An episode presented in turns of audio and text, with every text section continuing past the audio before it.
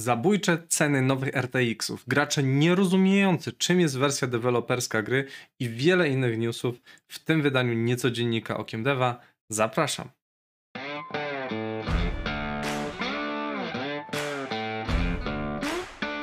Witam serdecznie, nazywam się Grzegorz Wątroba, a to mój kanał Okiem Deva.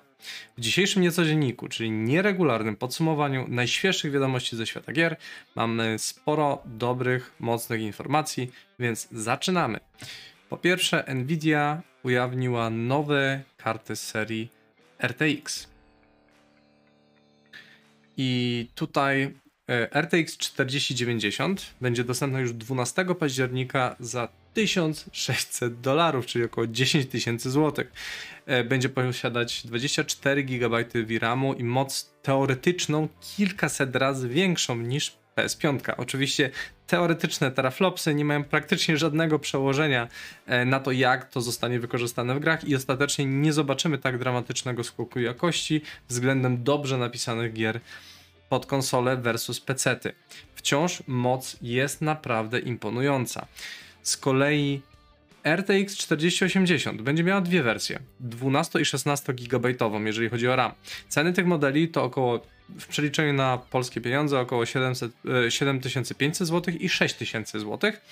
I to już wzbudza trochę kontrowersji, gdyż wydajność niewiele różni się od serii 3070 Ti z poprzedniej generacji, pomijając oczywiście nowe technologiczne funkcjonalności, które wchodzą wraz e, z rdzeniami obliczeniowymi Ada Lovelace.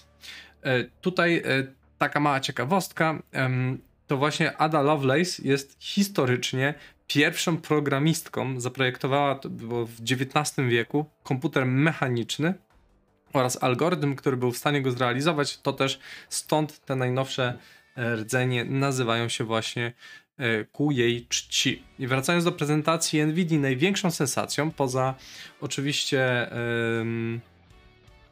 ceną, która pozamiatała troszeczkę, był DLSS 3.0, który nie tylko już zajmuje się wygładzaniem krawędzi oraz upscalingiem, e, teraz dodatkowo generuje całe klatki, uzupełniając ruch e, analizując, e, analizujący obiekty na ekranie, tym samym wygładzając całą animację.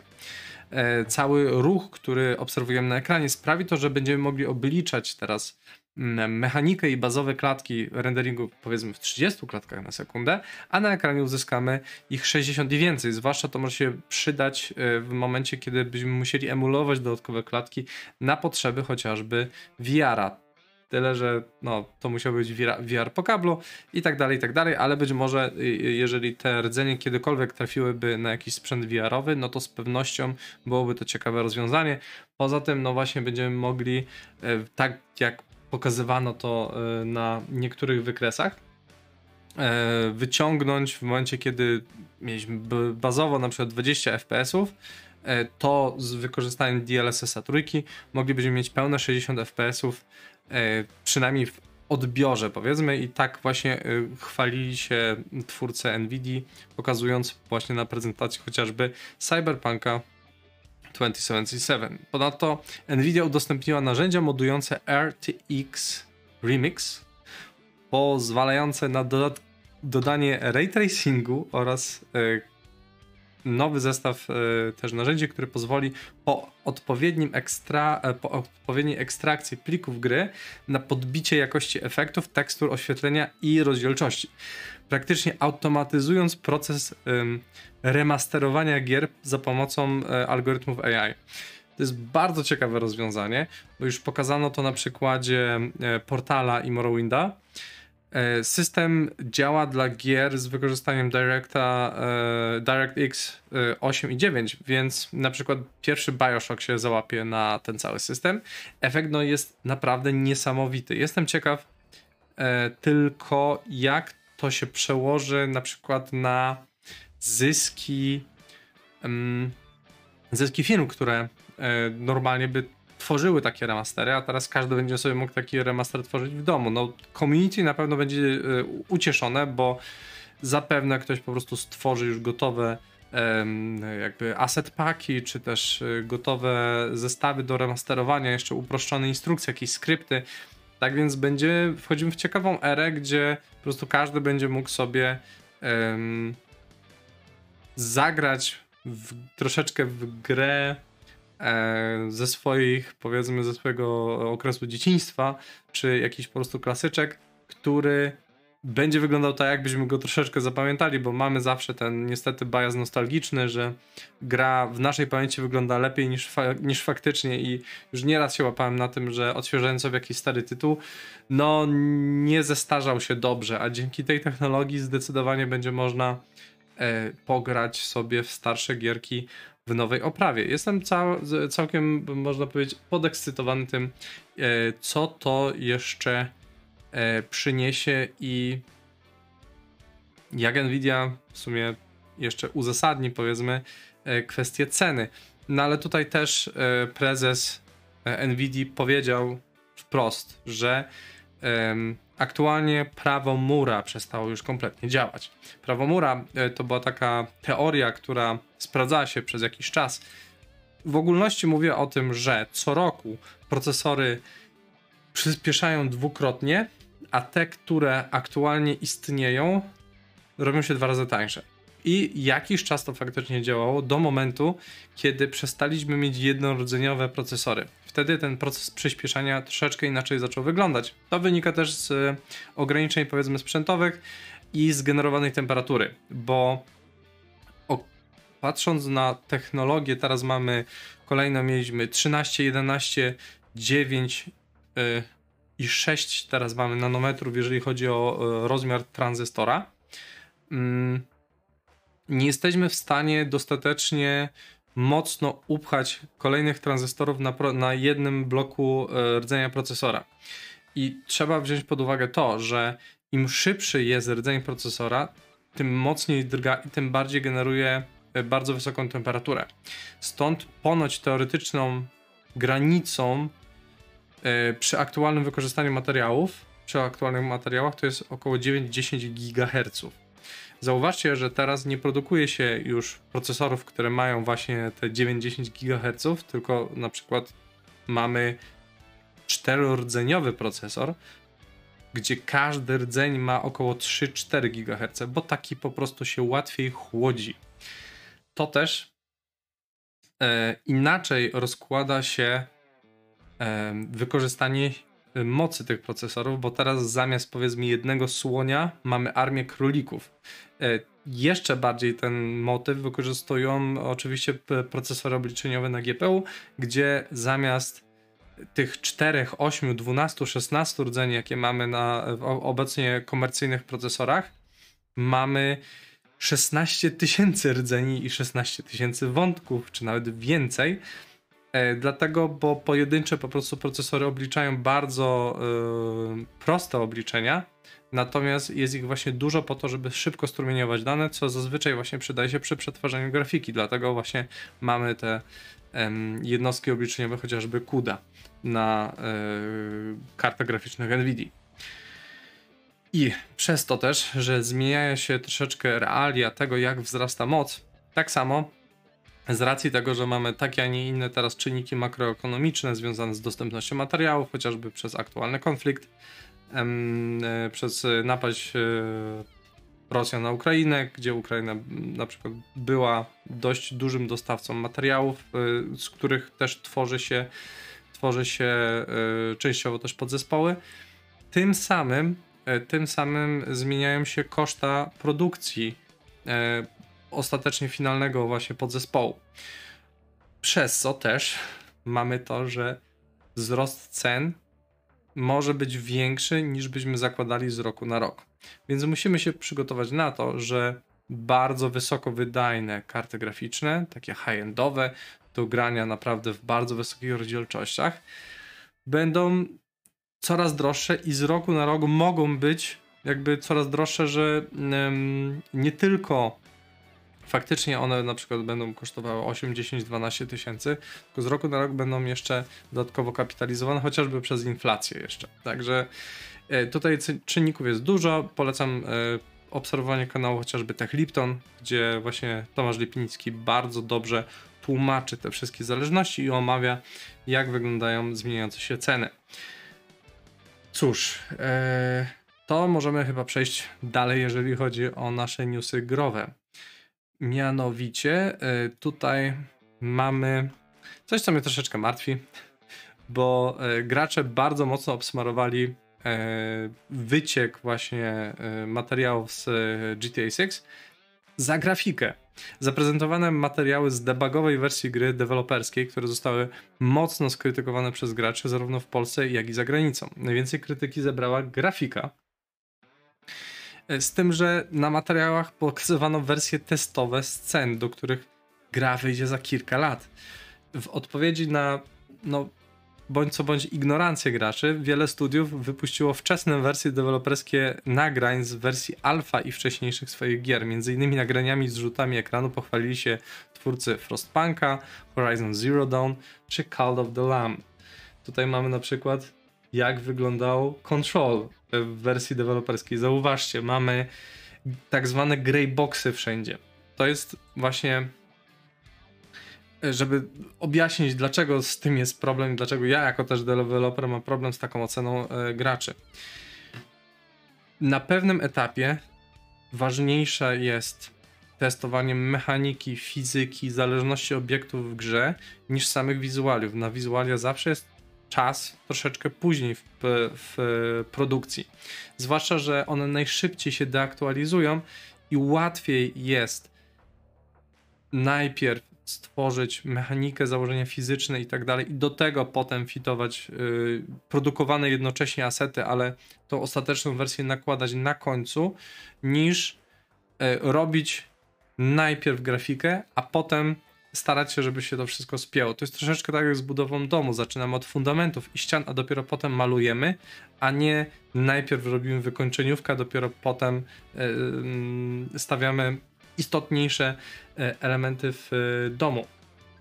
No i tak samo mamy tutaj na przykład e, pokazane, pokazane materiały z Dead Space'a, jak wyglądała wczesna wersja Call of the Lamb, gdzie tak naprawdę mieliśmy absolutnie jakieś paskudne asety, które były tylko materiałami testowymi. Stąd też no ostatecznie chodzi o to, żebyście nie wyciągali zbyt pochopnych wniosków, żebyście nie wyciągali zbyt pochopnych wniosków z tego, co widzicie. E, wyciek wersji deweloperskiej, która miała tak naprawdę na celu tylko przetestowanie pewnych mechanik, bo zauważcie, że na wyciekach e, z, wyciekach z GTA były masa danych pokazanych, jak bardzo skomplikowany jest ten system zależności, chociażby w tej scenie napadu na jakąś restaurację. To też e, zważcie na to, że wtedy deweloperzy właśnie testowali to, a nie to, jak gra wygląda, więc powstrzymajcie się czasami przed komentarzami e, a propos tego, E, jak finalnie będzie wyglądała gra, dlatego, bo nie widzieliście nawet fragmentu tak naprawdę finalnej wersji gry, która jeszcze będzie, powsta będzie powstawała przez jakieś 3-4 lata, więc naprawdę dwa razy zastanówcie się, albo polecam też podejście takiej osoby, która mogłaby się właśnie z, trochę z tego doświadczenia nauczyć. Czyli pytajcie ludzi, którzy mogą coś o tym wiedzieć, czy to będzie finalna wersja, czy um, dlaczego tak to wygląda, a nie tak jak widziałem niektóre komentarze, o jest ty, jakie gówno, jak można coś takiego wypuszczać. No właśnie, oni tego nie wypuszczali, oni tego nie zrobili dobrowolnie. Gdyby pokazywano jakiś fragment gry światu dobrowolnie, jako studio, to na pewno pokazaliby się z najlepszej strony.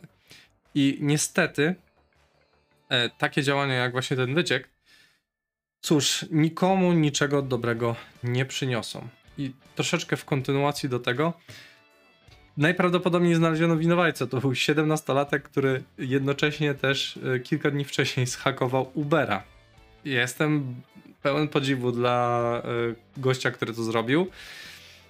Co prawda, myślę, że on troszeczkę nie zdawał sobie sprawy, co nabroił, y, zwłaszcza, że według informacji on żądał pięciocyfrowego okupu, czyli kilkudziesięciu, kilkunastu tysięcy dolarów okupu za to, żeby załatać y, hak, czy żeby nie puszczać tych danych dalej. Firmę, która zarabiała miliardy. Przecież GTA jako seria, a zwłaszcza część piąta, jest jednym z najlepiej sprzedających się produktów medialnych w historii świata. Więc y, zdecydowanie chłopak, jeżeli faktycznie te wszystkie informacje by się potwierdziły, nie wiedział do końca co robi, albo nie zdawał sobie sprawy nawet y, stricte kogo atakuje, tylko po prostu nie wiem, robił to dla sportu. Jestem wciąż pełen podziwu dla umiejętności tego człowieka. Mam nadzieję, że zostaną one spożytkowane e, w bardziej pozytywny sposób ostatecznie.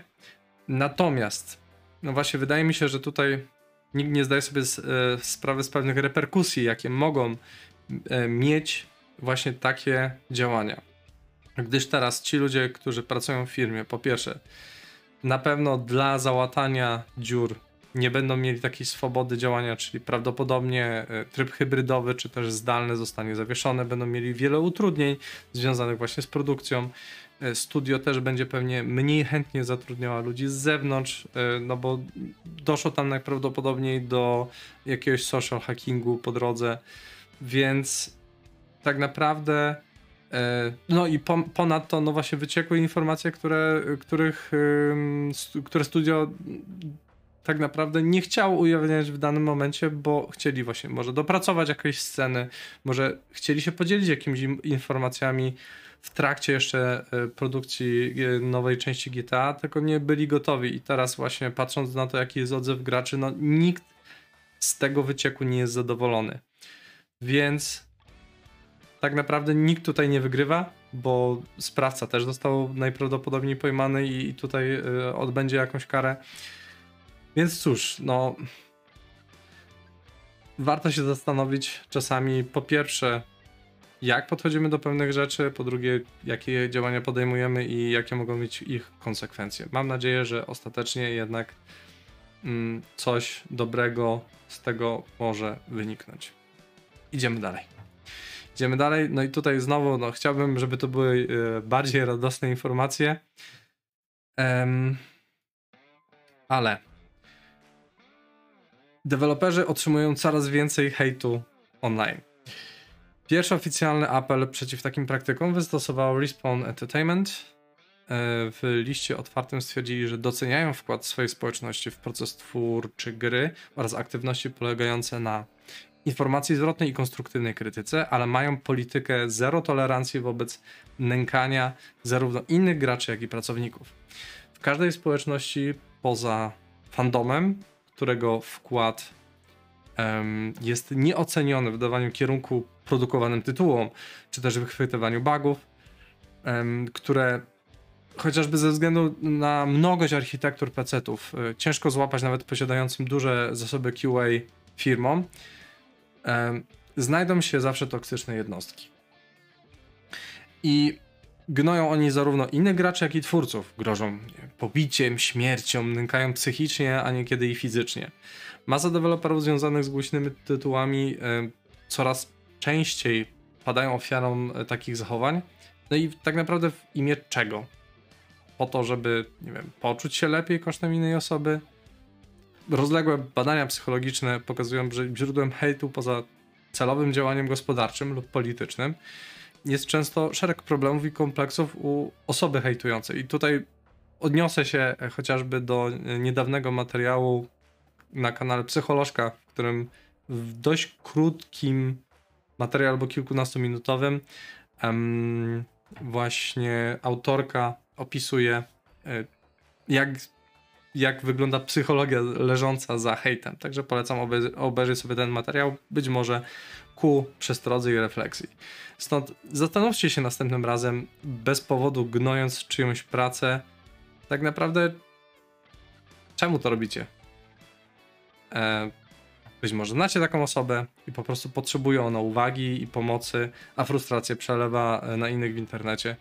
Zapewniam was, że jeżeli jako gracze chcecie, by wasze gry, te gry, w które gracie, były lepsze, nie osiągniecie tego gnojąc ich autorów. Idąc dalej.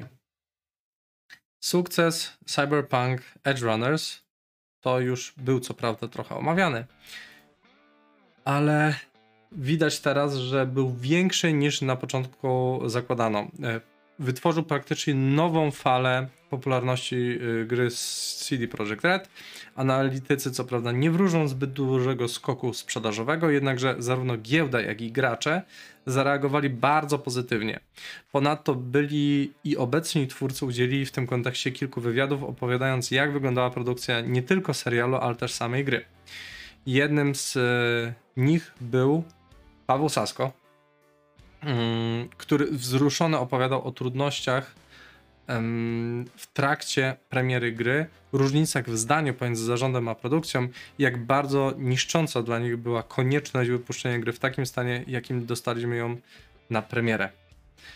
I e, poza tym, bardzo dobrym materiałem e, był wywiad e, na podcaście na kanale SkillUp tam co dwa tygodnie pojawia się podcast FPS Frame, e, Friends Per Second, gdzie e, Rafał Jaki opowiadał o produkcji e, serialu mm, Cyberpunk 2077 Edge Runners. On również będzie podlinkowany w moim newsletterze, który wypuszczam co tydzień. Nazywa się Tydzień w Grach. Znajdziecie go na review znajdziecie go również na podlinkowanie znajdziecie e, w opisie tego filmiku na stronie okiemdewa.pl. Tak więc zapraszam do e, zapisywania się do tego newslettera. Co tydzień, zazwyczaj w niedzielę rano, będziecie dostawali po prostu pakiecik najciekawszych informacji, podlinkowanie do wszystkich moich aktualnie wypuszczonych filmików, ale także do wielu różnych ciekawych podcastów E, audycji, wykładów, e, jeżeli chcecie się podszkolić troszeczkę w arkanach tworzenia gier. Tak więc serdecznie Wam polecam. Poza tym to wszystko w tym wydaniu niecodziennika Okiem Deva. Jeżeli podoba Wam się to, co robię, zapraszam do lajkowania, subskrybowania, udostępniania materiału dalej. A tymczasem życzę Wam miłego dnia, tudzież wieczoru i spojrzenia na gry Okiem Deva. Trzymajcie się.